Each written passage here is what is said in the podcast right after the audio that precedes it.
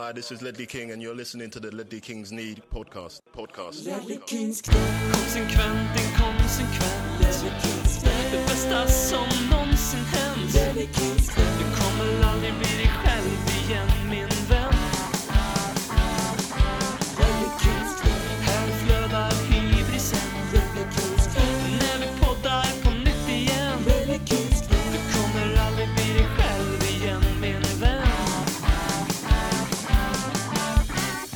Du njuter av ännu en radioteater iscensatt av hybrisgänget i Ledley Kings knä. Det vågar jag säga nu eftersom att vi är Sveriges fjärde bästa sportpodd enligt Guldskölden, Svenska fans journalistpris.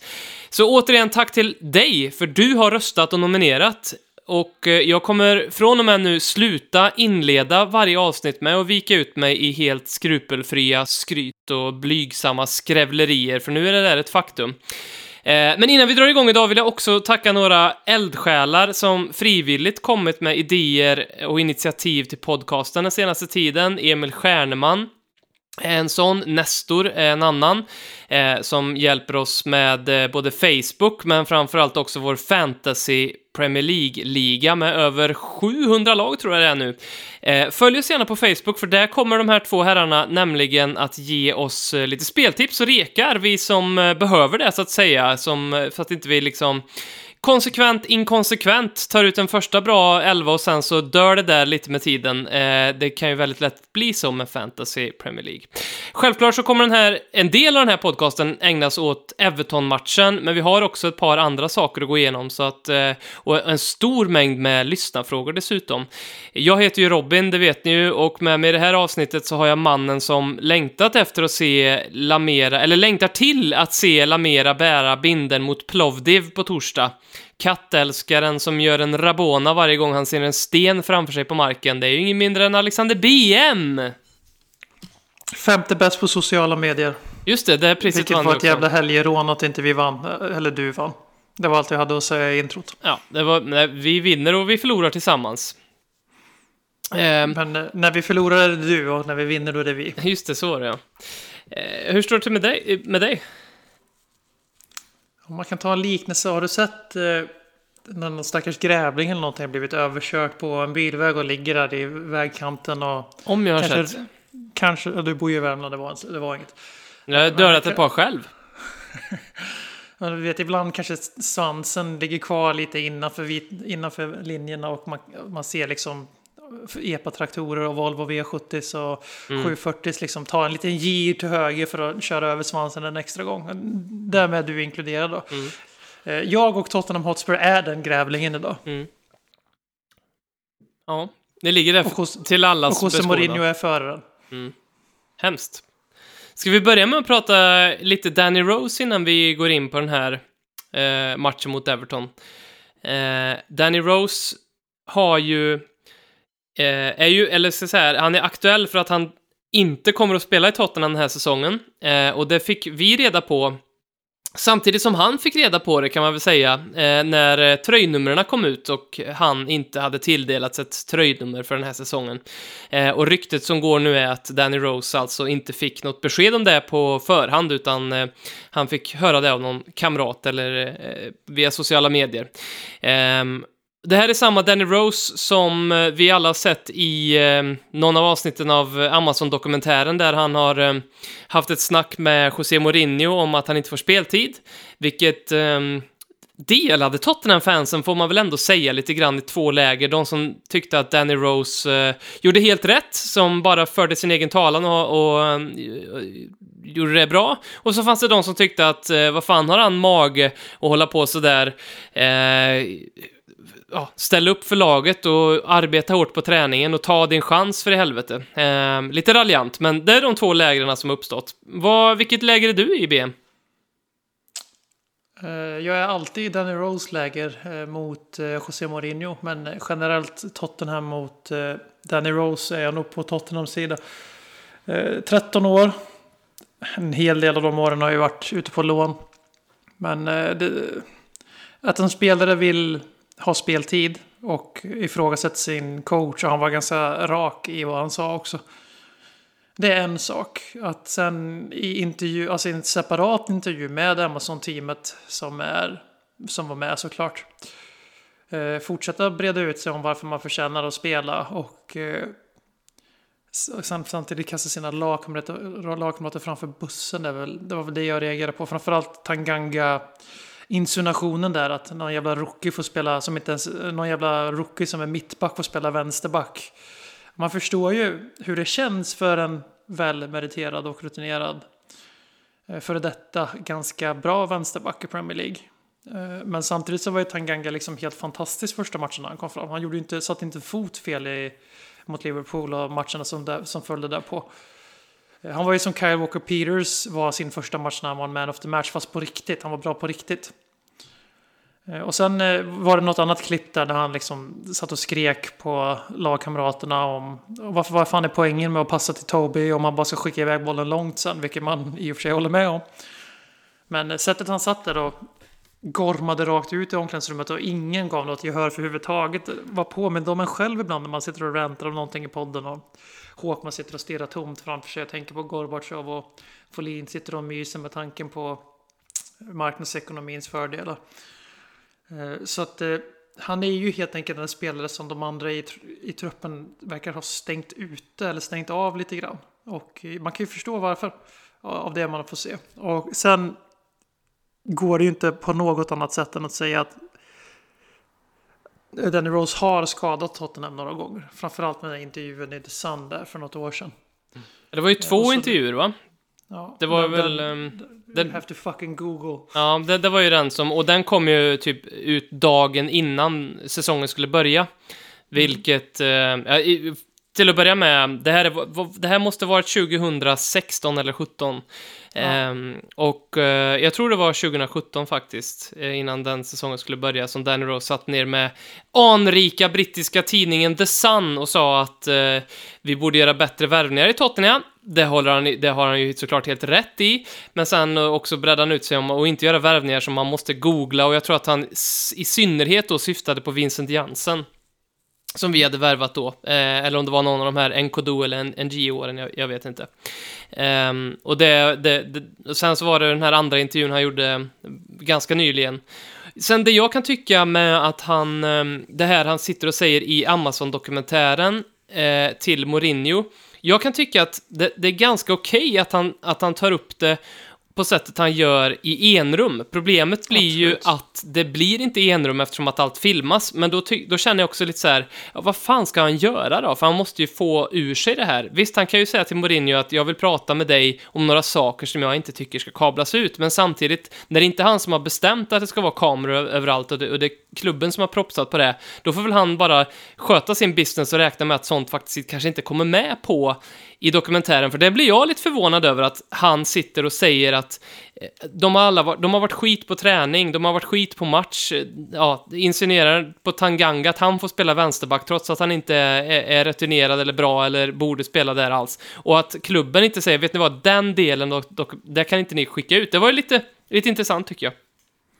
Känns lite, om man får vara lite med dokumentärerna, det känns ju lite som att det var ingen slump att det fick vara kvar med tanke på hur man nu väljer att avsluta den här relationen med, eh, med eh, att inte ens berätta för honom att han inte har något tröjnummer och, och att han även tränar med U23 under försäsongen då. Mm.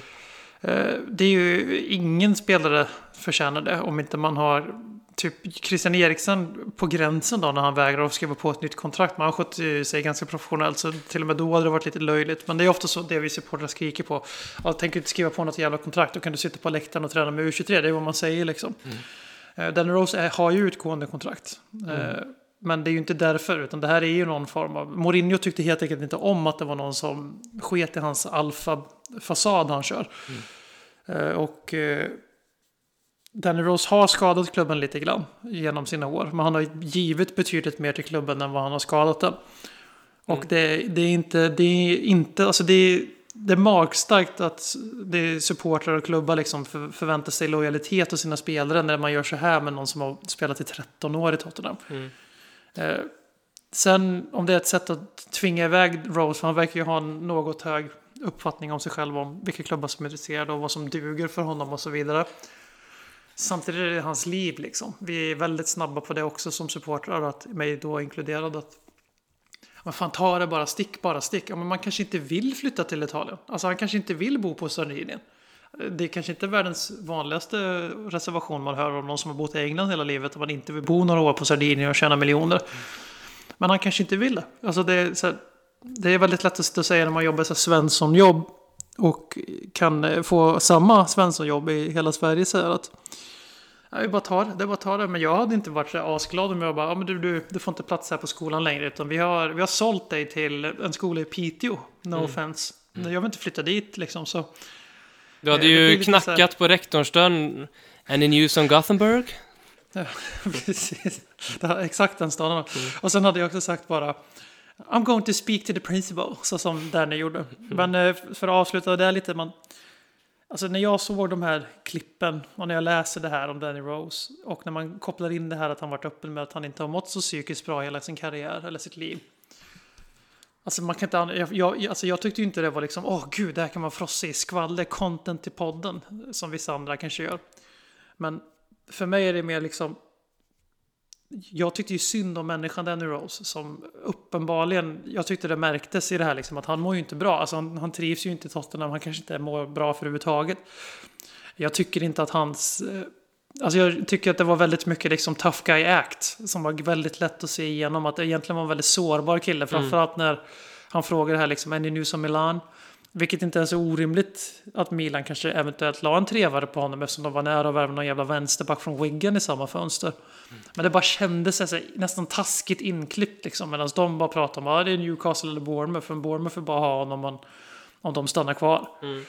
Eh, och han vill inte flytta dit. Och så, bara, så, kommer, så klipper de in där nu Rose bara, har du hört något om AC Milan? Som precis har värvat Zlatan Ibrahimovic och kommer gå skitbra resten av säsongen. Mm. Vilket ingen visste då. Är, vi så kommer han förtjänar på... bättre vi kommer in på det här lite senare och jag skulle vilja prata om Steve Hitchen också, för det är också en person som eh, alla nu tydligen vet precis hur han är efter att ha sett eh, ett klipp i, eh, i dokumentären. Och det är ju det som jag kan tycka med den här dokumentären som är lite motbjudande, att eh, de, det som väljs liksom att visas upp Eh, kan ju vara så avgörande för hur en person uppfattas av så otroligt många människor. Så att just som du säger, att välja att ha med det här i, i och klippa det på ett sånt sätt i, gör ju att väldigt många tar ställning emot Danny Rose eh, och att han får ett stort drev mot sig. Vilket han har inte bett om antagligen om att få vara med i dokumentären. Han har inte bett om att det ska vara kameror överallt på hans arbetsplats. Utan det, och, och det, är det, det tycker jag jag, jag, var ju, jag är emot den här dokumentären eh, från första början och det här är liksom ett av, ett av de absolut starkaste skälen för det. Ja, jag eh. tycker att eh, de kunde åtminstone varit så hederliga så att de kunde ha klippt, haft med något klipp när Danny Levy uppenbarligen pratar om AC Milan med Danny Rose. För att han lär inte bara dragit ur arslet liksom nej, att, nej. att AC Milan var intresserade. Nej. Men det framstår ju så i dokumentet. Det blir nästan på gränsen till att det känns som att de driver med honom. Mm. Alltså, på, alltså på riktigt. Och det är likadant med Eriksen-mötet. Nu ska vi inte prata om dokumentär för mycket men där jag tycker att det var ganska tydligt att Eriksen gjorde en poäng av att visa för tittarna att du vet Daniel att det har inte med pengar att göra. För att Daniel Liv satt och pratade om att alltså, vi matchar vilket bud som helst. Det vet du, det vet du Christian, det vet du. Mm. Uh, vi vill göra allt för att ha kvar det och Christian Eriksen bara, fast du, Daniel, du vet att det inte handlar om pengar. Det kändes också så här som att det var också så här, det var väldigt, väldigt stageat för att det skulle komma ut i eten att vi minsann var beredda att pröjsa hans lön han ville ha. Mm. Eh, han valde bort Tottenham av andra skäl. Och där tyckte jag det hedrade fan Christian Eriksen att så tydligt bara pff, det har ingenting med det att göra och det visste du redan. Mm. På tal om att göra stora, stora berg av små stenar. Mm.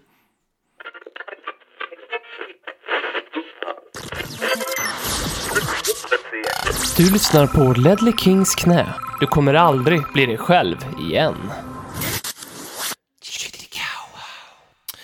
12 lag har spelat eh, Premier League-fotboll när den här eh, podcasten spelas in och eh, ett av de 12 lagen är Tottenham Hotspur och det av de 12 lagen så är Tottenham det lag som statistiskt sett vunnit minst dueller och eh, också enligt statistiken kämpat minst. Eh, vi ska inte djupdyka i för mycket i varför det blev som det blev. Vi ska titta på det här kanske från ett par olika perspektiv, tänkte jag. Nu kommer du få tre frågor i eh, eh, eh en och samma fråga här nu, BM. Eh, den första är ifrån eh, mannen som har mer podcasts än vad de flesta svenska mellanchefer har leasingbilar, nämligen komikern Marcus Tapper, som nyligen kommit på att han håller på Arsenal igen. Han undrar om Tottenham kommer vara så här dåliga hela säsongen. Sen undrar Lukas Stockholm om det är för tidigt att säga att det här blir en dålig säsong och Fredrik Herdin undrar om det finns något hopp. Varsågod. Alltså vilken jävla... Eh, ja, vi kommer att vara i stort sett så här dåliga hela säsongen. Eh, för det som, vi kommer väl in på det, men det som oroar mig mest med matchen mot Everton, det var inte att vi förlorade med 1-0 i en premiär mot ett Everton som har en värvat ganska mycket som vanligt, verkar ha värvat ganska rätt och har en väldigt bra tränare. Eh, ett lag som inte Tottenham kan räkna hem tre enkla mot, även om statistiken inför matchen säger att det brukar vara så på hemmaplan. Men så det är inte så jävla konstigt. Shit happens. Vi, hade en, vi gjorde en dålig premiär. Det, är liksom inga, inga, inga arméer som har gått under för det. Eller inga lagbyggen som har raserats på grund av det. Eh, problemet här för mig är ju att det här var ju en match som var...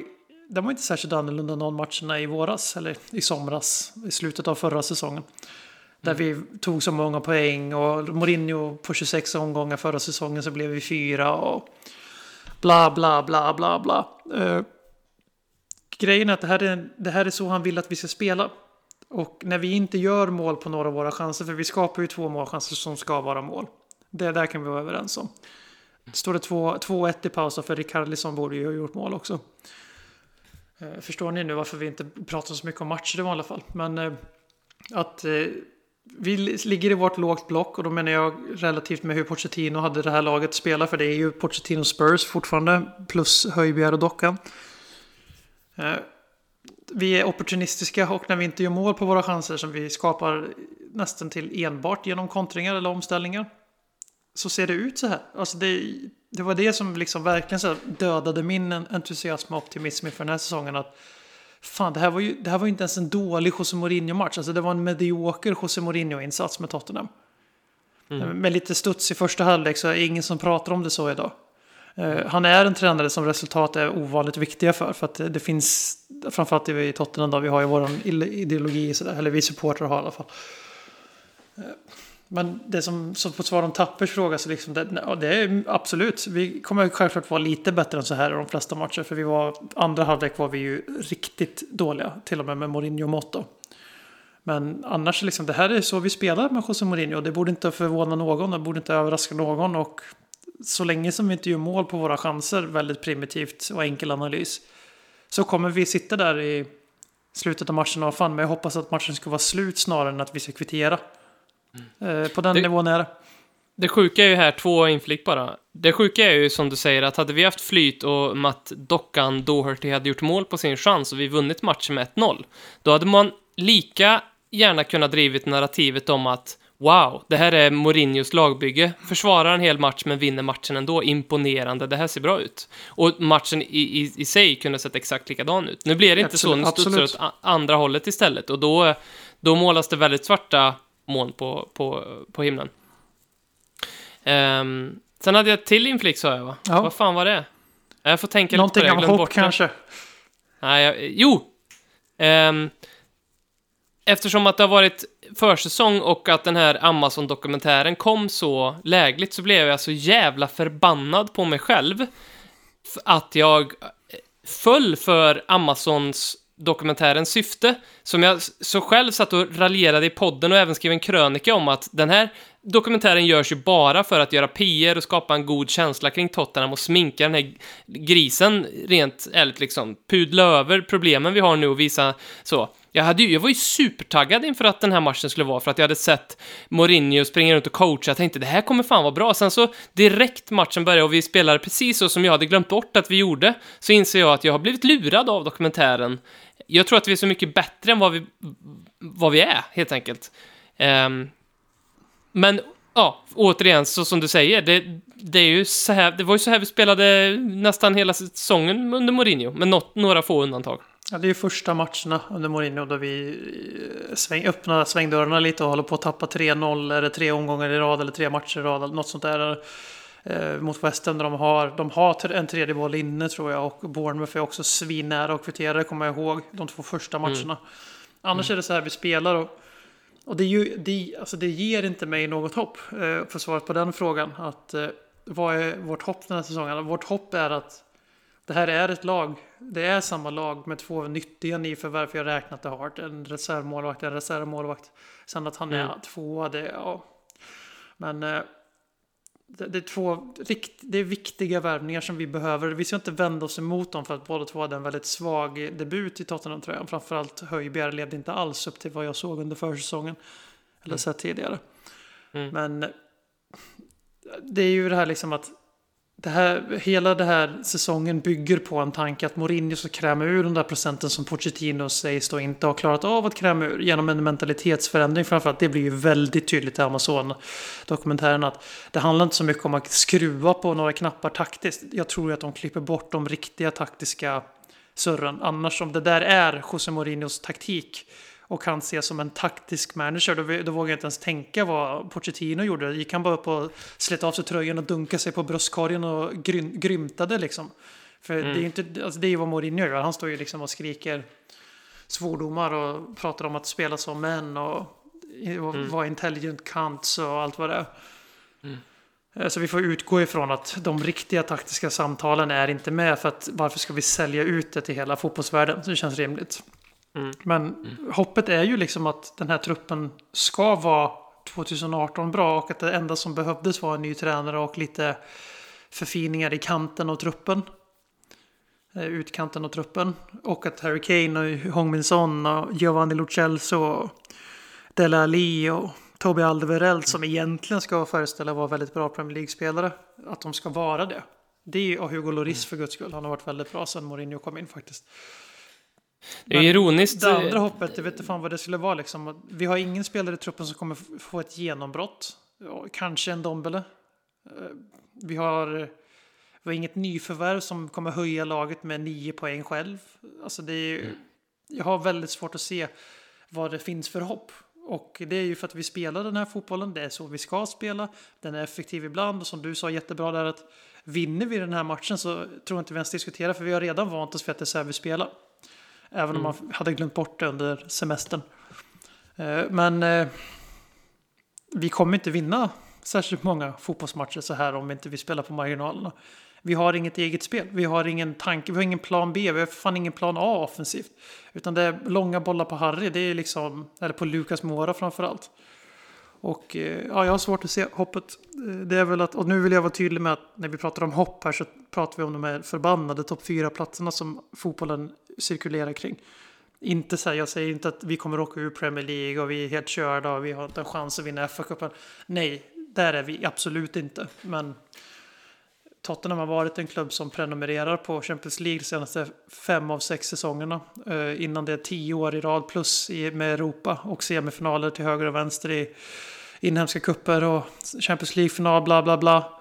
Vi har med all rätt en högre kravbild nu. Och för den kravbilden så tycker jag att framtidsutsikterna ser jävligt låga ut. Och det är mm. baserat på att det har sett ut så här sedan november 2019. Inte på grund av en match mot Everton. Mm.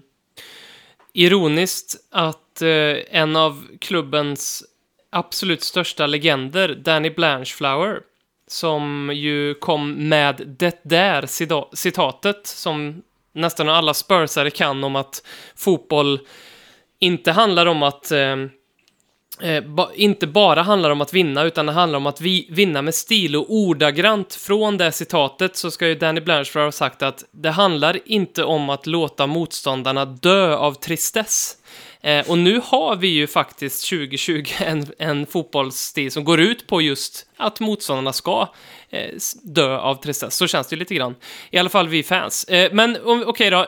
Eh, Nestor undrar, fanns det någonting bra med matchen igår? Ehm, jag skulle ju vilja säga eh, Matt Doherty i så fall. Eh, som jag tycker gjorde kanske, var kanske bäst i Spurs. Han tappar ju, han orkar ju inte sista halvtimmen. Eh, det är då de spelar på sin vänsterkant liksom. Och kommer igenom gång på gång på. Det är tydligt att han ska ha Serge-rollen. Det är ju absolut ingen snack om att han ska säkra upp någon defensiv. Jag tror det var du som sa också när han blev klar att förväntar man sig att han ska gå in och liksom stadga upp defensiven. Då har man inte riktigt koll på dockan. Utan han ska ju vara en Sörcharier som är någorlunda mer kompetent defensivt. Och framförallt att han i statistiken förra året hade exakt noll errors that leads to goals. Och det, vilket ni kan lista ut att Sörcharier hade några fler. Mm. Men så att han var väl helt okej. Okay. Sen, ja vad fan. Son var, försökte. uh, men kommer... fanns det någonting bra om vi inte ska bara kanske titta på kan man argumentera för, som jag tänkte inledningsvis, att okej, okay, vi ser väldigt organiserade ut och visst, Everton har väldigt mycket bollinnehav och det är ju lätt att man, när man ser en fotbollsmatch och särskilt när man ser den och inte har möjligheten kanske att vara så objektiv utan att man är supporter, då är det ju jobbigt när motståndar, det tycker i alla fall jag, då är det jobbigt när motståndarlaget har bollen hela tiden. Eh, men det är ju tydligt att det är våran plan att det ska vara så också och i alla fall, det tog ju ett tag innan Everton listade ut hur de skulle ta sig igenom vårt försvar. De, visst, de hade mycket boll och James Rodriguez gjorde ett par snygga eh, vändningar och dribblingar och tekniska finter hit och dit, men det hände ju inte särskilt mycket. Det, det skapades ju inte särskilt mycket möjligheter och vid, vid några tillfällen, Deli Ali hade en möjlighet, Matt Doherty var ren och, och, och, och kunde verkligen ha gjort mål. Eh, så att jag menar, bara utifrån det, tyck, det tyckte jag var ändå hyfsat okej okay, att orga, organisationen såg ganska bra åt, men det, det kommer vi tillbaka till att ja, fast den fotbollen är ju fruktansvärt outhärdlig att titta på som supporter.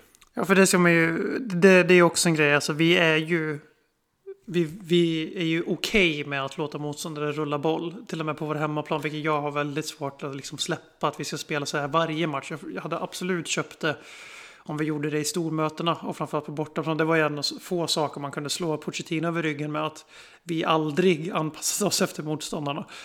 Mm. Eh, men du har ju rätt i det liksom att i första halvlek så är det ju faktiskt så att förutom ett hårresande misstag som följs av en ännu mer hårresande miss så har vi ju kontroll på läget. Det är ju så vi vill att matchbilden ska se ut. Mm. Eh, det är ju framförallt andra halvleken som man som man har i, i, på näthinnan nu då, där vi absolut inte kommer upp i någon form av nivå för huvudtaget. Eh, men du mm. har rätt i det att den effektiva versionen av eh, José Boll var ju faktiskt in action i första halvlek. Låt dem ha mer boll än oss. Låt dem skjuta sina distansskott. Hugo Lloris tar dem. Eh, mm. Spela på marginalerna som sagt i ganska bra marginalspelande. Liksom, av distansskott är inte det effektivaste sättet att göra mål på i fotboll. Mm. Och sen, eh, som sagt, alltså det, den biten är ju på plats, men är offensiva tanken bara att vi har så pass mycket kvalitet i individuella spelare som då främst är Son och Harry Kane och egentligen borde vara Dele Alli. Så att det ska lösa sig. Då tycker jag att man missförstår Dele Alli i grunden. Han har aldrig varit någon som skapar en massa chanser åt andra. Utan han är väldigt Nej. duktig på att fiska upp chanser till sig själv. Mm. Och eh, ja, han blir ju också han blir ju också syndabocken igår. Han blir ju lyft i paus. Så. Jag tycker ju att han fick lite o...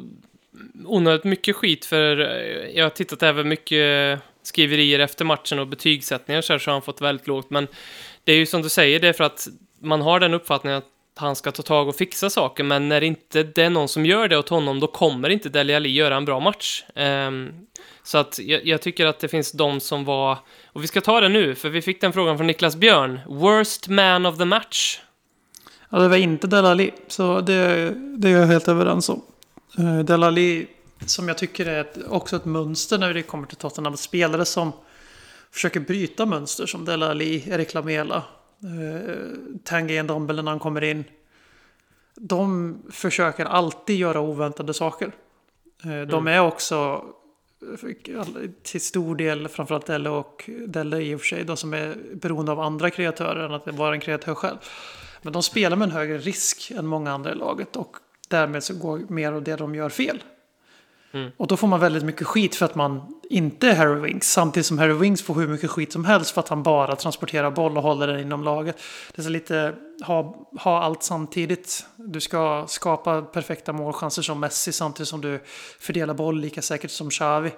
Eh, ganska hög kravbild och det är lite det jag kände att Delali föll offer för. Att, och som jag tycker att mm. han har fallit offer för länge. Att han lever inte upp till sina bästa säsonger när han var en, en pusselbit i en välhållen offensiv som uppenbarligen levde mycket på Christian Eriksen först och främst. Erik Lamela i mindre utsträckning och sen ingen utsträckning alls när Son petade Lamela på grund av skadebekymmer. Eh, men nu är han liksom felkastad. Nu är det han som ska vara Christian Eriksson. Och han har aldrig ens varit i närheten av en... Det här var en, liksom en central mittfältare när vi värvade honom. Inte en tia, mm. inte en second striker. Eh, som han egentligen är bäst som. Och eh, han, han, är ju den som hängs. Jag tycker kanske att eh, vårt mittbackspar, som framförallt den nyomsadlade mittbacken, eh, gränser rosar inte marknaden för fem öre. Harry Kane spelade han ens, förutom den där fina chippen. Eh, Sissoko, vad var syftet med honom? Ja. Det är ju många som eh, har hängt Ben Davis också. Det tycker jag också är lite på... Han gjorde en väldigt tydlig miss när han gav Rikarlison det där friläget. Och sånt kan jag tycka är så tröttsamt när... Eh, att han hängs för, för att det... Jag tror att Pochettino sa det där väldigt bra en gång, att liksom eh, eller om det var till och med Mourinho i samband med att Gazzaniga hade gjort det, eller om det var Hugo Lloris längre sen, hade gjort en miss, skitsamma, men alla spelare begår ju en enorm massa misstag på en hel säsong och i varje match eh, en väldans massa misstag. Vissa misstag blir bara helt enkelt farligare än andra. När en målvakt gör ett misstag, då blir det ofta mål. Och då hängs den målvakten väldigt snabbt. Ben Davis ger Carlisson ett friläge, men i övrigt tyckte jag inte Ben Davis var sämst på plan. Det tycker jag eh, Pierre-Emil Höjbjerg var faktiskt. Ja, ja, för gud, ja, där, eh, där hade jag förväntat mig... Där hade jag förväntat mig en defensiv mittfältare som till att börja med kunde markera, hänga med spelet och uh, göra brytningar, men i, varenda gång han dök upp i bild för mig så var han typ sen på bollen, inte riktigt där. Alltså, riktigt svag insats av Pierre-Emil Höjbjerg får vi ändå säga. Inte långt ifrån ett rött kort heller. Uh, en Nej, en hårdare vardomare hade gett honom ett. Uh, men nu tycker jag vi har pratat alldeles för mycket om matchen. Jag tror att det är ett uttryck mm. för att det är mycket uppdämd frustration. Och vi vill vara tydliga med att ja, vi utgår från den här premiären. Mm. Men anledningen till att man hakar upp sig så mycket vid det här, det är ju för att man har sett det här i fan två år. Och nu, Mourinho har ju fått en prägel på laget redan. Mm. Det är bara en prägel som, som du, och precis som du så hade jag ju lyckats glömma bort det från 26 juli när vi spelade mot Crystal Palace till 13 eh, september när vi spelade mot Everton och den dokumentären som passande nog bara med highlights i sina matchklipp. Men fy fan vad det är tråkigt att titta på Tottenham Hotspur spela fotboll. Och om det är någonting fotboll ska vara som supporter, framförallt när man är en distanssupporter, så är det att det ska vara en verklighetsflykt. Jag ska ju liksom inte sitta och lida. Eh, jag vet när jag inte, tycker, inte mår bra i mitt Tottenham supporterskap och det är när jag tittar på min telefon och Parut pågar mer än vad jag tittar på matchen själv. Mm. Och jag mm. finner mig sen, vi, sen det började gå ut för med Pochettino, för vi ska inte hänga allting på José. Eller Jose, Jose eller vad han vill att man skulle uttala nu igen. José. José. Eh, men det är ju en tydlig tendens sen han kom in att det är tråkigt att titta på. Ett bevis jag använder för det helt anekdotellt är ju att min egen sambo väldigt mycket oftare än förr liksom lämnar tv-soffan och slutar se på matchen. Vilket hon faktiskt inte brukade göra i samma utsträckning förut. Mm. Jag skulle vilja gå vidare med att... Eh, och jag hoppas det här kan bli en följetong i den här podden den här säsongen. Och det handlar om narrativ. Eh, att vi kan hitta händelser eh, som det kommer narrativ ifrån och prata lite om dem i podden. För det här är någonting som är lite... Det är extra tydligt för det här tidevarvet vi lever och frodas i nu. Men jag ska ta två exempel här. Liverpool fick en straff och eh, i halvtid eh, så kom diskussionen upp i Viasat-studion om eh, det verkligen var straff. Och genast fanns det då två narrativ på sociala medier. det ena de som inte håller på Liverpool är ju... Ja, det är klart att Liverpool får en straff. Eh, Liverpool och allt det där. Och sen så det andra narrativet som kom upp var alla Liverpool-supportrar Eh, som då istället, det är klart att diskussionen om att vi får en straff, att den finns, det är klart att den kommer upp. Det är klart att vi har satt som inte vill att vi ska vinna, tar upp den här diskussionen i halvtid, det var ju en ty tydlig så här, så. Ehm, Inte vill att de ska vinna, okej. det, det fanns två narrativ. Det var ingen som, ingen som ställde frågan hmm, var det här en straff? Och kanske argumentera för, man skulle kunna se det så här. Så det var inte intressant, utan det var de här två narrativen som är intressanta. Sen har vi Arsenal mot Fulham. Eh, det ena narrativet som kom upp var att eh, nu kommer Arsenal vinna ligan. Kolla, Arteta-boll, man rullade ut det här klippet när Arsenal gjorde en brytning på egen planhalva, passade runt hela fulla, eh, gömd, och, och Aubameyang fick bollen i sista tredjedelen och gjorde ett fantastiskt mål och allt det där. Och nu kommer eh, Arsenal 2020 vara the shit liksom. Det var det ena narrativet. Det andra narrativet var, ja men vad fan, det är ju Fulham, de är hur jävla dåliga som helst. Och det som händer med supportrar i den här situationen reaktionen och människor i den här situationen är att när man går in på sociala medier för att titta på reaktionerna så då tar man ställning till någon av narrativerna istället för att själv tänka hmm, hur är det här egentligen? För jag känner ju det som Tottenham-supporter när jag, så, jag såg Arsenal-matchen så kände jag också att jag bara så innerligt gärna ville haka på det här narrativet om att ja, ja, men det här är Fulham de spelar mot, de var helt klappkassa. Det narrativet ville jag ha för att det skyddar ju mig mot tanken som jag inte vill ha i mitt huvud, som är att Arsenal är jättebra nu och kommer gå om Tottenham igen i, i ligan och allt det där. Vilket de kommer att göra. Vilket de antagligen kommer att göra. Eh, och det här är ett problem, så jag skulle vilja att vi har eh, en, en, en eh, Ja, och om du hänger med på vad jag menar nu, men att vi fångar upp lite narrativ och händelser från Premier League-helgen. måste inte vara Tottenham anknytning på det, eh, bara för att titta på de här två narrativen och i lite folkbildande syfte, men också terapisyfte för oss, så att inte vi hamnar i det här att vi bara hänger på ett narrativ, utan att vi faktiskt också söker sanningen. Låter det bra? Absolut. Bra. Vi är denna vecka sponsrade av Ingenting. Ingenting är det bästa alternativet där ute för dig med sunt förnuft som skyr saker som spelbolagsreklam eller 15% på redan alldeles för dyra kläder som ingen kommer bry sig om om ett halvår ändå. Gå inte in på någon hemsida och framförallt uppge ingen rabattkod. Kom ihåg, livet är mer än konsumtion. Tack, Ingenting. Eh, Alex Morgan. Är en eh, helt otrolig värvning av Tottenham Hotspur. Eller hur? Det här är ju... Jag blev... Ja. Eh, jag ska ju villigt erkänna att jag inte är superintresserad av damfotboll. Eh, jag har ju, i, i och för sig i Eskilstuna så är det ju ingen snack om att stadens lag är Eskilstuna United, alltså damlaget, inte AFC Eskilstuna, herrlaget. Jag har varit på en del matcher, varit Champions League-match och med på Tunavallen. Eh, och eh, det är ju inte så, det är bara att det finns inte tillgängligt och man är ju drillad i hur fotbollsvärlden ser ut. Den är ju otroligt maskulint präglad eh, i medierapportering och sådär. Det är bara att kolla på när Brasilien gick ut och sa att damlandslaget skulle få mycket, lika mycket som herrlandslaget. Mm. Vilket är helt sinnessjukt att det inte redan var så, men det är en annan sak. Båda två eh, får ju ta ledigt från sitt vanliga jobb. Eh, I ett av fallen så har det direkt effekt på din ekonomi, i ett av fallen inte. Men eh, alltså i det här fallet så är det ju ingen snack om saken att det, är nog förmodligen den största enskilda spelaren som Tottenham har värvat som förening. Eh, dubbel världsmästare. Jag tror över hundra landslagsmål tror jag.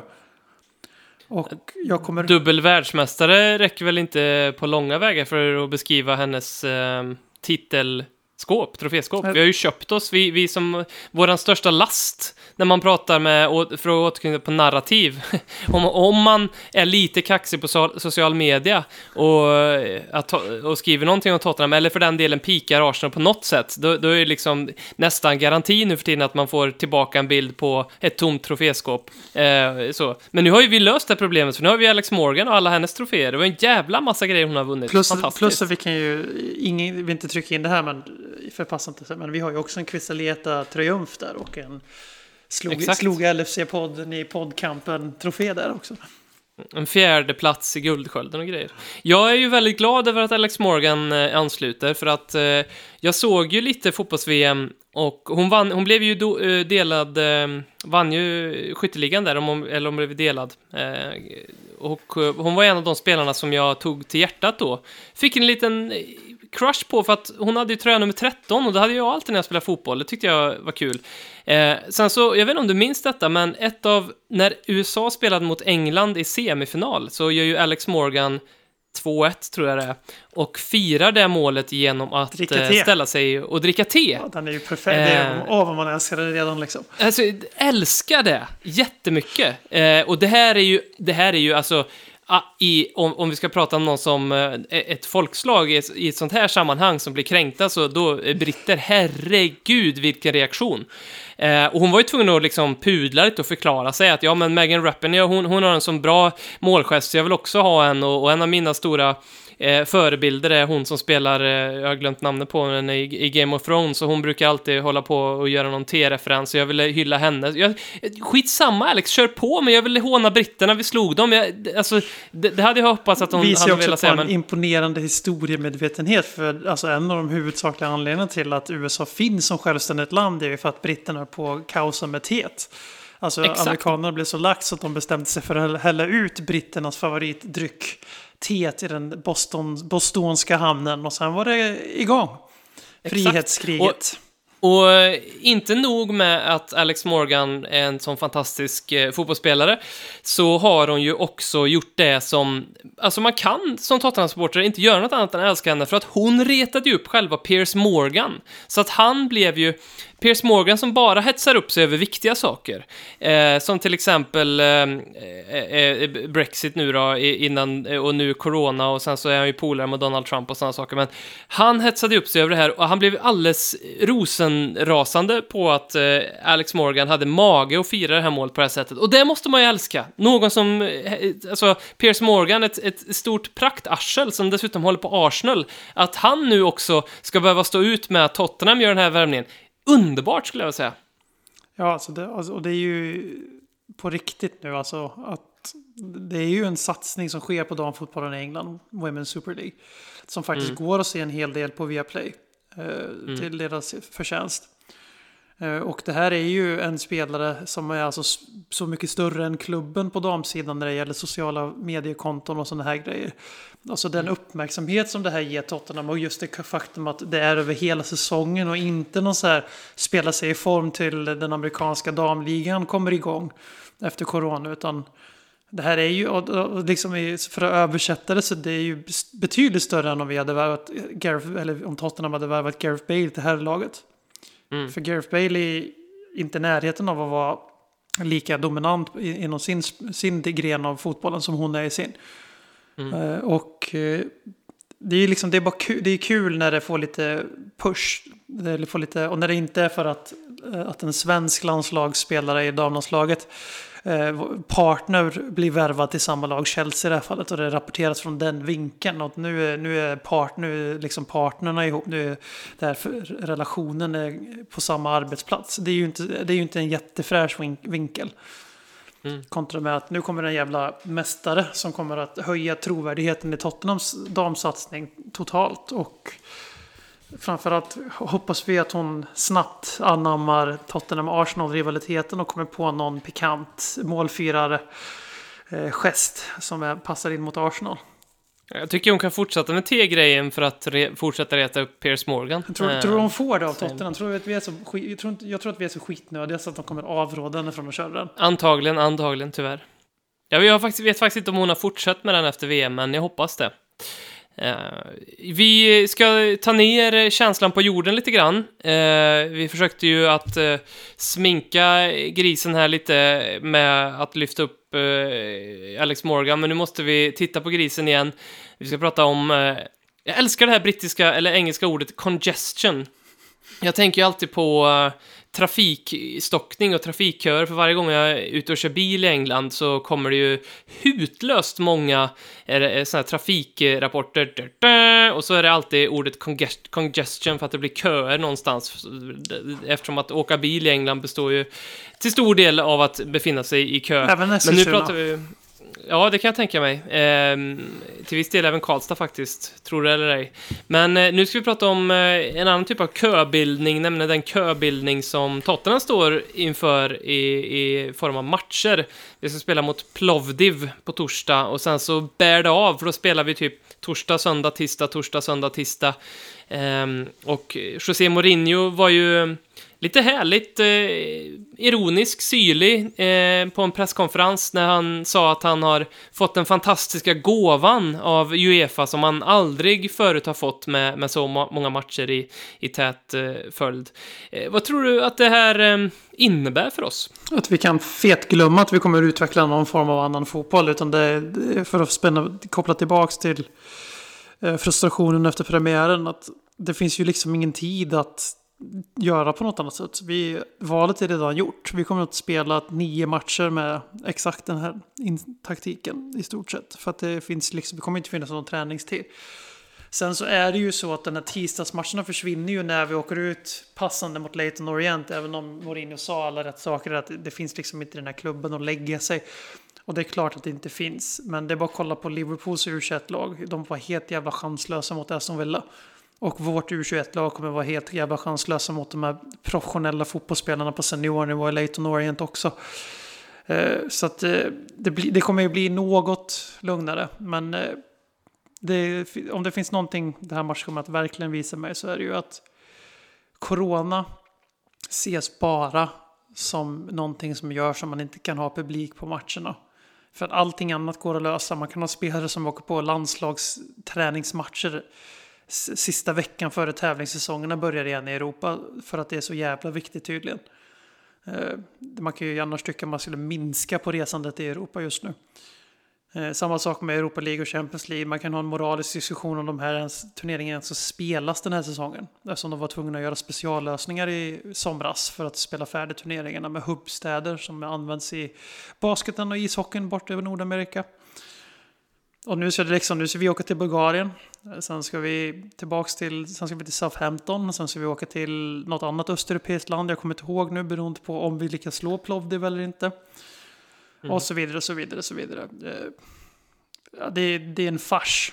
Inte bara spelschemat överlag som absolut inte har någon sportslig integritet för huvudtaget. Vår säsong kan vara över om vi pratar ligaspel när vi är första oktober. För då kommer vi ha spelat så jävla många matcher så att Alltså vi, det finns ju inte en chans att inte vi har två, tre viktiga spelare i, bot, i, i, vad heter det nu, i sjukstugan som vi såg var ganska välbesökt i Amazons dokumentär. Mm.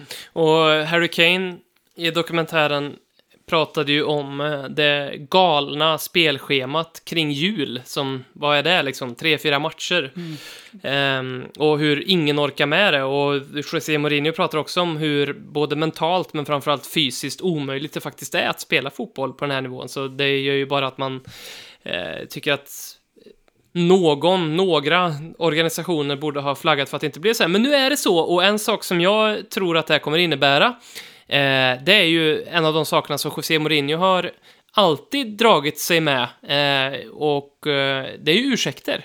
Eh, han hade, jag, jag tror att efter varenda match vi har torskat eh, som inte gått vägen och han blir ställd mot väggen i presskonferensen så, så finns det någon form av ursäkt. I, mot Everton var det att, ja men några har ju faktiskt haft covid-19. Eh, ja men vi har inte haft en ordentligt bra försäsong ihop. Vilket är sant, men jag kan bara se när ja, som du säger, om vi målar fan på väggen här igen då. Eh, spelet dalar, vi kanske till och med åker ur någon kupp tidigt. Eh, och José Mourinho får frågor och det ser inte alls bra ut. Att han kommer sitta där och, och skylla på spelschemat i, i, i all leda. Um, jag kan se det framför mig. Nine games, 20 days. Nine games, exakt. 20 days. Och så storma ut. Mm. Och så antagligen så kommer det väl innebära någon fräsch och härlig skada på någon viktig spelare, för så är det ju. När kroppen börjar tryta så börjar ju sinnet börja tryta, man tar lite sämre beslut, man kanske råkar trampa snett, man kanske ger sig in i en eh, duell som man absolut inte borde göra, eller så. Sträcker sig efter en boll man som man inte borde göra. Man kanske är Lamela och går in i en 20-80, fast man går in som att det är 100-0 i närkampen. Bryter 14 ben i kroppen. Och kommer dagen efter till fysion och säger I think I can play. I want to play. Och så går du ut och tränar fem minuter och bara nej, gick inte att spela. Mm. Dåre. Mm. Mm. Sen så tycker jag som supporter att eh, jag vill inte se Tottenham varannan dag. alltså, och det, har inte, det, det, skulle jag inte vilja göra heller när vi är bra. Det är bara det att att sätta sig ner och kolla fotboll en halvtimme varje dag, varannan dag och särskilt då, kanske lite särskilt extra nu när det går dåligt och när vi möter Plovdiv och När vi spelar Orient. Förlåt, tråkigt också. när vi spelar tråkigt, då är det, det är tufft att bara behöva mm, konsumera. Eh, så att, ja, bara den grejen. Vi får väl hålla ihop i chattgruppen på WhatsApp, Parrots pågar, och um, skicka lite highlights till varann, så kan vi sminka över det där vi inte vill se kanske. Men det finns också en positiv aspekt av det här. Vi kan ju liksom, fan vi, vi behöver ju aldrig förbereda ett avsnitt längre. Det är bara så här, prata om de senaste tre matcherna, för det kommer att varit tre matcher mellan varje avsnitt. Precis. Lyssnarfrågor! Jajamensan, då har det blivit dags för lyssnarfrågor i Ledley. Vi ska runda, börja runda av med, eller runda av, men eh, vi ska gå över till eh, lyssnarfrågor, för vi har ju fått väldigt många sådana. Eh, och först ut är ju Patrik Syk, ni vet han som... Eh, Är på Liverpool. eh, är, håller på Liverpool, som är eh, Aftonbladets eh, poddman när det gäller Premier League. Ehm, Hur gick det för dem i Quisaleta? Hur många poäng tog de? Inte lika många som oss, jag Ah, tror väl att de tog väl eh, hälften, inte ens hälften av våra poäng Så tror du jag. menar att Jimmy hade slagit dem själv? Jag tror att Jimmy hade slagit dem själv, ja. Eh. Patrik Syks fråga, är en Dombele den största floppen i modern tid? eh, och det här får vi ju käka i oss lite eftersom att vi hade, återigen för att prata om narrativ, ehm, det narrativet förra säsongen om att PP var den största floppen vi någonsin sett, vilket såklart var lite raljant och mot slutet bara var kul för att eh, om man ska vara helt ärlig så har ju Patrik Syk i alla fall rätt med i att Ndombele väl nu får vi väl vara så pass ärliga och säga Gud, att han ja. var väl egentligen en större flopp än vad PP var. Sen om Hästlängder. Ndombele är den största floppen i modern tid, ehm, när det finns eh, namn som, eh, ja, vad har vi? Veron, Torres till Chelsea, Andy Carroll till Liverpool. PP till Arsenal. Ehm, Adrian Muttu. Eller varför inte Ali Dia, som eh, Graham Souness, den gamla Tottenham-spelaren, eh, värvade till eh, Southampton för att han hade hört att det var George Vias kusin. Men det var det ju absolut inte. Eh, eller vad har vi för, för dåliga eh, flopp, stora floppar? Ja. Vi, vi, Alexis Sanchez till United är ju en sån. den är nog objektivt en- är den nog etta. Men fan alltså. Den gode Tanguy han är nog fan med tyvärr. Det är topp fem i alla fall. Värsta Premier League-värvare någonsin. Om man tänker också hur mycket ja. han kostar ur vårt perspektiv. Alltså han är ju en fis i vinden i Arsenal, Chelsea, Liverpool, United. Kanske inte riktigt Liverpool. Eh, Men United City och Chelsea så är ju 60 miljoner eller 55 miljoner pund eller vad fan det nu kostar om alla klausuler kickar in. Vilket de ju definitivt inte kommer göra för de flesta lär ju ha i alla fall förutsatt att han inte skulle spela typ fem minuter i kvartalet. Eh, kanske var precis där de var i och för sig. Eh, Sen är ju gäddan en dark horse här. Om gäddan skulle komma in och faktiskt bli utköpt för 50 miljoner pund. Då går han ju, seglar han ju upp på första platsen på en gång. Ja, ja. Alltså herregud. Jedson att Fernandes för emot den 50 här miljoner. Herregud. Så här, någon form av bingo med hur, hur undviker vi att aktivera gäddans utköpsklausul. En José Mourinho frågar uh, Fernandez What position do you play? Och Jedson Fernandez svarar Yes. Snodd tweet. Eh, vi fortsätter på eh, värvningstemat. Axel Ljungberg, om ni måste välja en spelare från Arsenal, Axel Ljungberg håller ju för övrigt på Arsenal. Om ni måste välja en spelare från Arsenal som ska in i Spurs, vem väljer ni? Pepe borträknad såklart, så han är ju lite självdistans då, Axel här. Han, fa- Jag- han jag var inne- att han jag- inte platser hos oss. Eh, Här- Jag var ju inne på Xhaka förra säsongen och det var ju bara för att eh, det skulle vara så fint. Den, du, du minns den matchen han tog av sig eh, kaptensbindeln och tröjan och bara kastade dem på marken och stormade ut? Där och då hade ju det varit ett fantastiskt läge för Tottenham att köpa honom. För där, där och då fanns det ju ingen spelare i världen som hatade Arsenal mer än vad Granit Xhaka gjorde. Därför skulle det varit en kon- kanonvärvning och dessutom var han kapten och allt det där. Och sen så skulle vi behöva den typen av spelare också. Eh, men nu vet jag fan om jag skulle vilja ta Xhaka. Jag vill inte ta Ab- Aubameyang för han tycker jag är en, är en tönt. Eh, så att, vem är det? Tierney kanske? Han skulle vara nyttig. Det är definitivt Kieran Tierney. Eh, En eh, modern ytterback. Ser ganska bra ut Arsenal. eh, Trots att han bara kommer från Celtic. Och det säger jag bara för att det är inte den svåraste klubben att spela offensiv ytterback i, i Skottland om man säger så.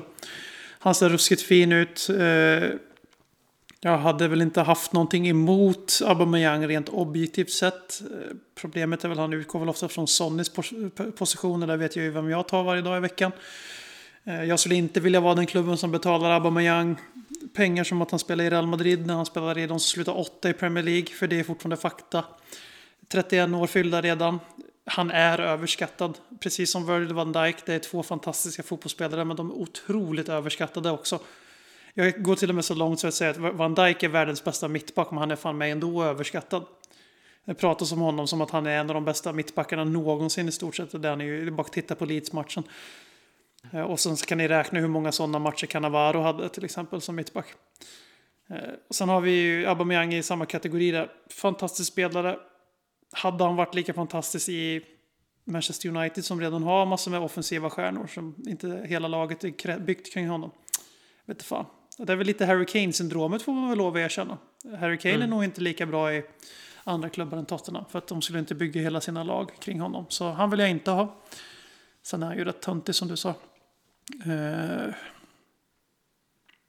Alltså jag är fortfarande så färgad av att jag tycker att Arsenal inte är så bra heller. Så det är nog bara Tierney jag vill ha, helt seriöst. Jag tror inte det är någon annan i deras startelva jag tar till vårt lag. Skills by Mike. Vi fortsätter på värvningstemat. Om ni fick värva in någon historisk spelare till denna säsong, vem och varför? Ro- Det här är ju en fantastisk fråga. Robbie Keane. Alltså, eh, Robbie Keane. Är det en, ja, det, ja det, är en bra, det är en bra värvning. Den är nyttig och man gillar ju honom. Jag vet att du älskar honom. Prime Robbie Keane. Men jag tänker ju på två spelare. Eh, och Ja, eh, vi eller tar dem i... är, det här inte, det- är det här historiska Spurs-spelare eller historiska fotbollsspelare? Ah, det, det, man får väl ändå säga historiska Spurs-spelare. Okej, du ändå, annars, annars, blir det lite... annars Maradona. Han har ju spelat i Spurs, så att... Eh, eh, ja, men jag, eh, I kronologisk ordning så... En av de första jag tänker på är Dave Mackey. Eh, eller Mackay, beroende på vilket håll man är lagd. Eh, Mackan. Vår... Mackan, ja. Eh, vårt rivjärn eh, på 60-talet som eh, ju har gjort den där, den där fantastiska bilden som ni säkert har sett många gånger när han eh, tar tag i Billy Bremners tröja och lyfter upp honom. Och Billy Bremner tänker väl där att eh, hans dagar är räknade. Den typen av spelare. Jimmy Greaves. Det var, vad sa du? Jimmy Greaves bredvid Jimmy Kane. Greaves, eh, han skulle vara otroligt nyttig, han gjorde väldigt många mål. Sen så, nu vet jag att, och, och det, vi fick frågan till, till podden om, borde inte vi värva en kreativ mittfältare? Och jo, det, det, kan, det skulle vara jävligt angeläget, men vi vet ju samtidigt också att Mourinho är inte intresserad av att ha den typen av spelare. Men annars så skulle jag vilja säga Paul Gascoigne, för att ha honom eh, i det här laget skulle ju kunna vara fantastiskt vad han skulle kunna skapa Framförallt i, i sättet vi vill spela på när anfallsspelet behöver... Alltså, när vi litar på att anfallsspelet bara ska lösa sig av sig självt där och då i stunden, att det ska liksom blixtra till och bli någonting magiskt och att det är så vi ska avgöra matcher, då, då skulle ju Gascoigne vara fantastiskt bra. Om man ska ta någon som är på 2000-talet och inte Robbie Keane som är, jag fortfarande tror hade gjort nytta, Prime Robbie Keane i truppen. Eh, Men eh, annars är det Luka Modric om man ska ta någon på 2000-talet. Helt klart. 2008 Modric ja, och helst 2010 men det är då han började liksom välja härifrån. Så. Eh, Men eh, det är han. Gascoigne är riktigt bra shout för vad laget behöver just nu. Eh, Och sen eh, Mackan som någon form av liksom visat så här, alltså det som, det som José Mourinho tror att Eric Dyer är. Fast bra på Precis. fotboll också. Ehm, mm. Simon Finne, vad är ert bästa tips på att eh, smälta att vi kommer bli av med Harry Kane nästa säsong? Att eh, alla bra saker har sitt slut. Och när vi säljer Harry Kane så kommer det vara den slutgiltiga resignationen från att Pochettinos Tottenham inte tog det sista steget och att vi behöver hitta ett nytt sätt att nå dit och inte lappa ihop det med föredettingar på tränarbänken. Eh, värva spelare som inte riktigt är där än. Fortfarande Gareth Bale då, som det snackas en hel del om nu. Eh, Skulle vi sälja honom skulle det signalera att vi går tillbaka till någonting nytt, en ny idé, förmodligen en ung progressiv tränare, eh, Eh, förmodligen en ung progressiv trupp, en lite lägre svansförning och lite så här hälsosammare relation till sin klubb igen där man inte för sig som en topp 4-klubb i Premier League och därmed typ topp 10 i Europa. Samtidigt som att man sköter klubben som ett, som ett Everton i storleksmässigt rent sportsligt senaste åren. För Everton är en stor klubb historiskt. Eh, just nu försöker Tottenham vara lite best of both worlds. Men man backar inte riktigt upp sin del av bordet. Även om vi har lagt en hel del pengar på spelare. Det sista det glömmer man gärna bort eftersom det gick så helvete dåligt för våra värvningar från förra säsongen. Och herregud vad Daniel Levy använder dokumentären som ett sätt att påminna alla där ute om att vi har spenderat. Eh, Man, man kan, det gillar jag inte riktigt. Alltså, jag ser både hos han och Steve Hitchen hur de har läst och tagit till sig av all kritik och liksom inte riktigt tagit den på rätt sätt om man ska vara helt ärlig, utan och tänkt så här, okej, eh, det här får vi kommunicera bättre, eller det här kanske faktiskt vi behöver ta till oss och ändra vår strategi etc. Utan snarare så här, men vad fan, vilka otacksamma jävla supportrar, nu får vi fan visa, kan vi inte göra en DVD-special med alla värvningar jag gjort? Det är liksom den typen av känsla man har att de, de vill väldigt gärna fram... Vi var de största netspendersna förra säsongen och bla bla bla. Jag glömde bort att vi inte Lite- värvat ett skit på två fönster, tre fönster. Precis, Nej, det, det är lite svårsmält det där. Ja, men sälj, sälj Eh, Kane och så nya laget med Troy Parrott, Oliver Skip, eh, Jaffet Tanganga, Erik Lamela kvar som kulturvattenbärare. Eh, Hong Min Son och vi kan lura honom till att vara liksom talismanen för det här Tottenham. En ny tränare som är ung, lovande, vill någonting. Alltså vad Pochettino var. Och så lite så här bara, nu, nu är vi tillbaka till att charma världen med vårt fotbollsspel och om några år då ska vi tillbaka till där vi nästan nådde hela vägen. Och vi ska göra det på vårt sätt istället för det här som jag tycker är identitetskrisen vi befinner oss i nu med att vi ska vara en stor fisk men vi ska shoppa som en jag kan inga fiskarter här märker jag nu vilket förstör mina analogier. Men Guppy. en guppy på marknaden. Som sliter med näbbar och klor för att hålla kvar spelare som är för stora för klubben. Och eh, försöker liksom leva kvar på lånad tid. Och det, jag tror att det är där mycket av vår frustration kommer. I alla fall vart mycket min frustration kommer från. Att det här är inte organiskt. Det är inte genuint. Det är inte äkta. Och tyvärr tror jag att det enda sättet att det ska börja om där igen är att vi måste sälja Harry Kane. För så länge vi har honom i truppen så kommer vi aldrig att kunna motivera att göra en sån förändring. För det skulle inte vara, det skulle inte vara rättvist mot honom helt enkelt. Eftersom han är förmodligen nu den största spelare vi någonsin har tagit fram i Tottenham.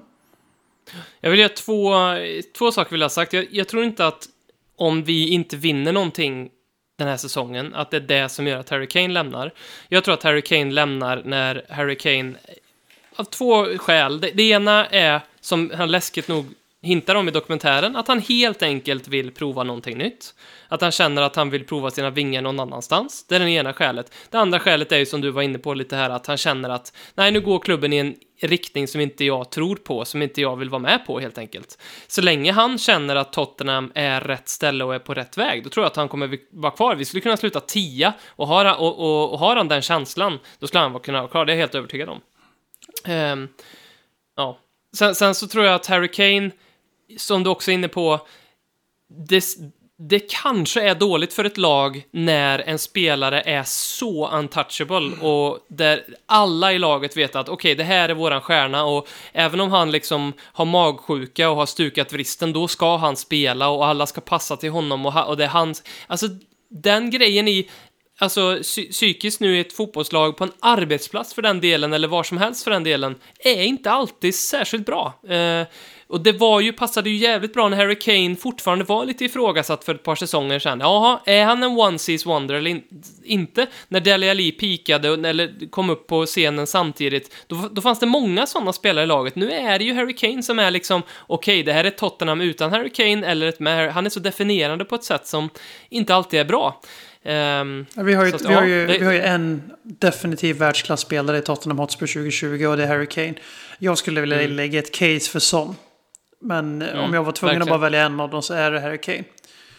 Eh, och det är verkligen det enda i Tottenham som är världsklass förutom vår arena och träningsanläggning då. Sen har vi också Steve Hitchen.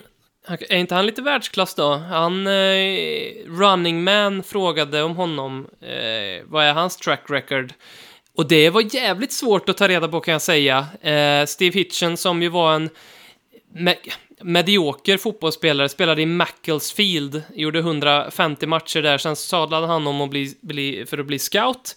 Han blev scout i Tottenham, hjälpte ju oss bland annat med Luka Modric och, och Benoit Soekoto. Och nu innan någon liksom grymtar lite här så, att vara scout och, och att hjälpa Tottenham med att lösa Luka Modric-affären handlar ju inte om att eh, Steve Hitchen på något sätt upptäckte Luka Modric, som att Luka Modric var någon liten pärla som simmade på botten av ett stort hav som ingen annan hade sett och som Steve Hitchen såg, åh, han, han blir nog bra och att han är ett geni därför. Utan hans styrka ligger ju snarare i att han är en sån som kan se till att Luka Modric faktiskt gör flytten ifrån Exakt. Zagreb till, till Tottenham. Kolla Bird, Eh, kolla Bird One här nu, 2019 exempel. Det är exakt samma Ja. process där han får spelaren att flytta på sig och det handlar om en rad saker. Det handlar om kontakter, det handlar ju om hans övertalningsförmåga, det handlar ju om att fingertoppskänslan, vilken spelare det, det, det, går att lägga krut på. För för varje Luka Modric han har sett så har han säkert sett många mycket bättre spelare, men där han direkt kunnat inse att nej, det är ingen idé att jag liksom åker och tittar på den här matchen och pratar med agenten, utan det är Modric jag lägger mitt krut på. Han kan jag få till Tottenham, han får jag till Tottenham och det är det han är bra på. Det är det det är att vara scout. Ehm, sen så följde han med Damian Comoli till Liverpool och hjälpte på samma sätt Liverpool med Suarez. Harry Redknapp gick i taket eh, och sa ju att fan, vi hade ju Steve Hitchen, han var ju en riktigt jävla bra kille. Sen så kom han tillbaka som en ersättare till Paul Mitchell här för några säsonger sedan och nu då i Amazon-dokumentären så har man sett ganska sparsamt av den här Steve Hitchen. Han har egentligen varit med på två saker och den ena är ju när han sitter och, dricker kaffe och, och tölar med kaffetjejen inne på eh, Hotspur Way och säger att, eh, att han hatar transferfönstret, eh, januari-transferfönstret, det. Och den andra grejen är ju att när han får vara budbärare för att hela säsongen ska ställas in eller pausas på grund av corona.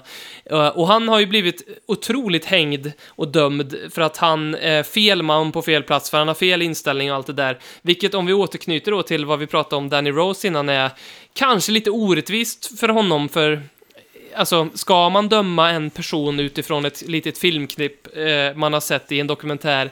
Ja, man kanske ska kolla lite på vad han går för faktiskt. Och det här är ju, du tog ju upp Börsman här, för det är ett väldigt bra exempel på en affär som eh, Tottenham löste dels under radarn, vilket är också skickligt i sig, för att det är otroligt svårt i modern fotboll eh, att kunna göra. Eh, men sen också så snabbt. Så att jag, jag, jag skulle vilja ge Steve Hitchen lite upprättelse faktiskt.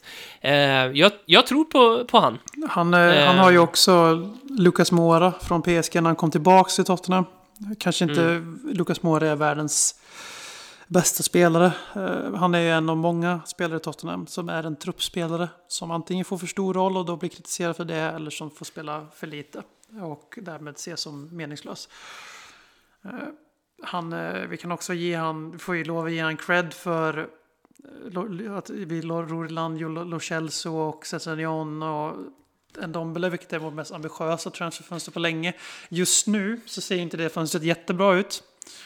Men jag håller med dig där, det har, blivit, det har nästan blivit en liten meme över hur hopplös han är på sitt jobb. Det, var, det är ju kul och det här med liksom hur han så uppenbarligen hatar sitt jobb i januari. Men eh, jag tycker att det finns en person som man kan få sig en riktig uppfattning om i den här dokumentärserien och det är José Mourinho. Eh, Kanske Harry Kane. Mm. Eh, annars är det liksom alla andra, till och med Danny Levy har en för, nu har jag inte sett avsnitt 7 till 9, men har en för sekundär roll i det hela. Och Steve Hitchen är inte problemet. Eh, vi har två frågor till innan vi ska gå in på Expedition Robinson. Den ena är ju då från Johan Nygren som undrar, undrar när mötte ni Lassie? Har du? Uh, kontext. Jag, jag, kan berätta, jag kan berätta när jag mötte Lassie. Om inte, alltså, uttrycket jag mötte Lassie kommer väl från när någon skrev en insändare till någon tidning för länge sedan och skröt om hur man hade träffat en hund som en gång i tiden hade parat sig med Lassie. från tv Så personen mötte inte ens Lassie? Nej, precis. Utan då har det blivit en saying så här, jag mötte Lassie en gång. Jag har ju mött Lassie en gång.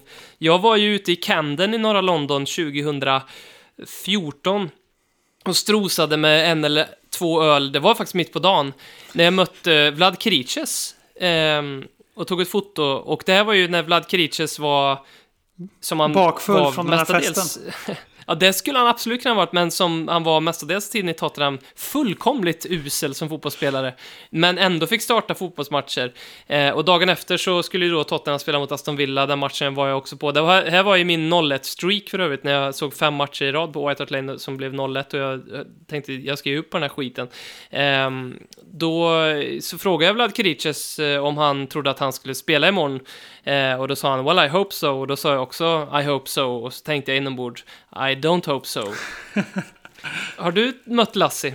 Jag tror inte jag har det. Jag lever ett väldigt ödmjukt och arbetarvänligt liv så jag träffar inte så många kändisar.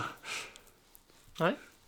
Men du bor i Eskilstuna så att jag menar Kent borde du springa på. Ja, men de är så, de är så folkliga så att när man, liksom, när man träffar dem liksom, då sätter man sig bara bredvid och kavlar bröd liksom, från scratch. Just Eller tvättar kläderna mm. i ån. Liksom. Det, det, vad vi, det vad vi gör här i arbetarstaden Eskilstuna. Sista lyssnarfrågan är från Berbatov Baby. Hur klarar man hösten? För övrigt, Berbatov i sin prime hade varit en bra spelare att värva till dagens Tottenham också. Det hade varit en uh, väldigt bra spelare just nu. Eh, kanske inte passar jättebra i kontringsfotboll, eller ja, kanske ja. Nej, kanske inte faktiskt. Eh. Sant, bra poäng. Hur klarar man hösten? hur gör man? Alltså, vi hade ju det här avsnittet, när fan var det Robin? Du och jag satt, det känns som att det, allting 2020 känns som att det var igår samtidigt som det var typ fem år sedan. Mm. Och då hade mm. vi ett långt, långt snack om hur man inte får låta, som jag var inne på förut, alltså man får inte låta Tottenham förstöra ens liv. Nu gör vi en mm. podd för sjunde året i rad om Tottenham, så det förstör vårt liv och det förgyller vårt liv. Oftast mer förgyllande än eh, förstörande. Eh, fast det ju inte har så mycket med klubben att göra i, på senare tid, utan har ju lyssnarna. Men eh, alltså det är fotboll. Det är meningen det ska vara kul. Är det inte kul och du inte är sadist eller machokist som jag är när det gäller Tottenham. Bara zona ut från skiten. Det är okej okay att bara gör som Arsenal-supportrarna gjort de senaste fem åren. Bara sjung tillbaka, smält in i tapeten på jobbet. Sluta prata fotboll. Du vet att Tottenham-supportrar vill de bara prata med när det har gått dåligt ändå. För de, vill, de gömmer sig för oss när vi, har, när vi är bäst. Och det gäller alla lagsupportrar som hejar på de här sköna, bekväma storklubbarna som man vet bara är en transfersommar ifrån att lösa alla sina problem. Och eh, bara smält in i tapeten, zona ut, lämna, framförallt läs inte Twitter före eller under matcher och efter matchen när det går dåligt. Eh, börja måla, vissla. börja måla. Eh, res. Vi, vi, vet du hur jag ska klara hösten? Eh, jag har eh, två saker som, som gör att, eller tre, som, jag, som gör att jag ska klara hösten. Den ena är att jag har börjat se om Sopranos från början igen, för typ tredje, fjärde gång, gången i ordningen. Eskapism alltså. Mm. Eh, det, det mår jag alltid väldigt bra av. Den andra, det är att jag ska vara nykter fram till jul. Eh, och det är egentligen, jag ska ha, om det är någon som ser mig ute eh, onykter i Karlstad nu så är det för att jag och min fru ska fira bröllopsdag här. Eh, så att, och då, då, det är min undantagsdag, men sen ska jag vara helt nykter.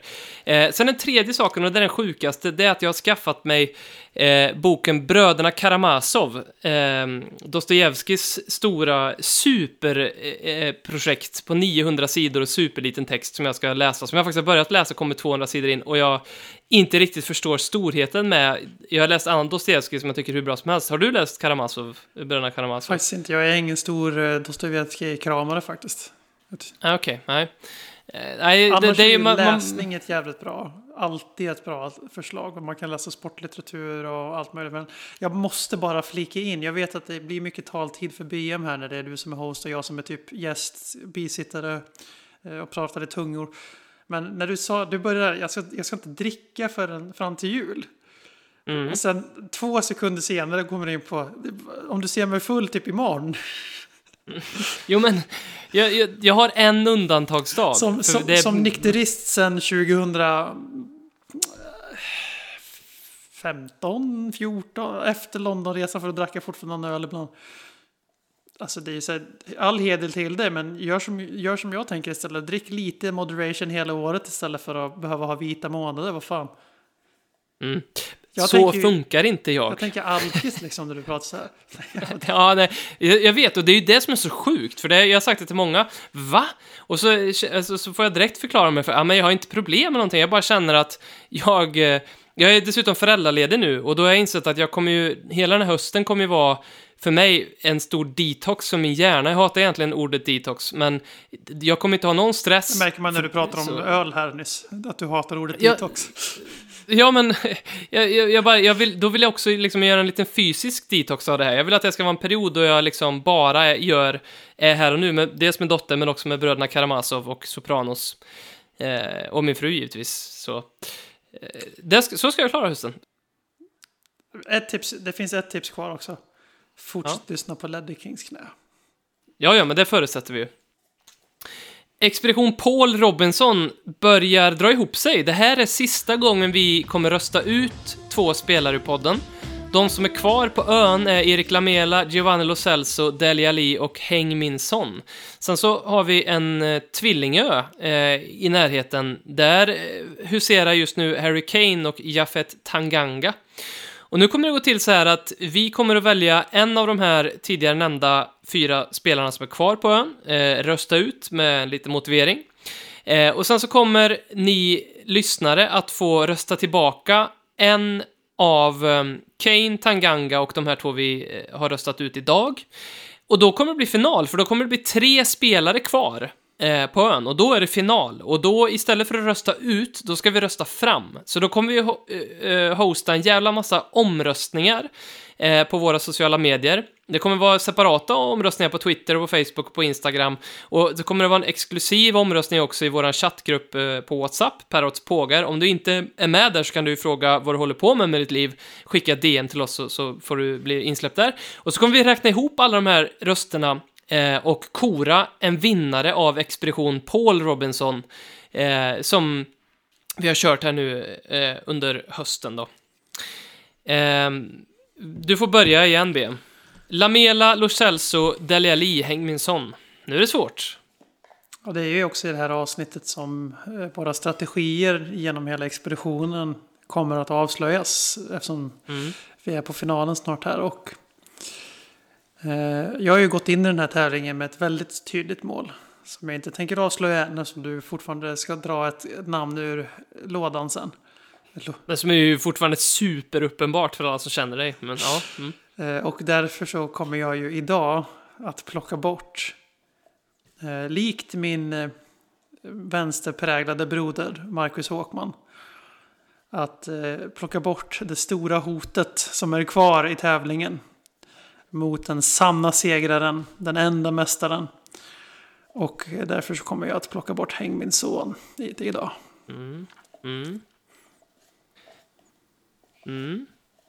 Och eh, jag var också inne på Son, men eh, jag kommer att eh, plocka bort en spelare som ehm, eh, har många Spurs-fans har tagit till hjärtat och som jag tror är mångas favorit.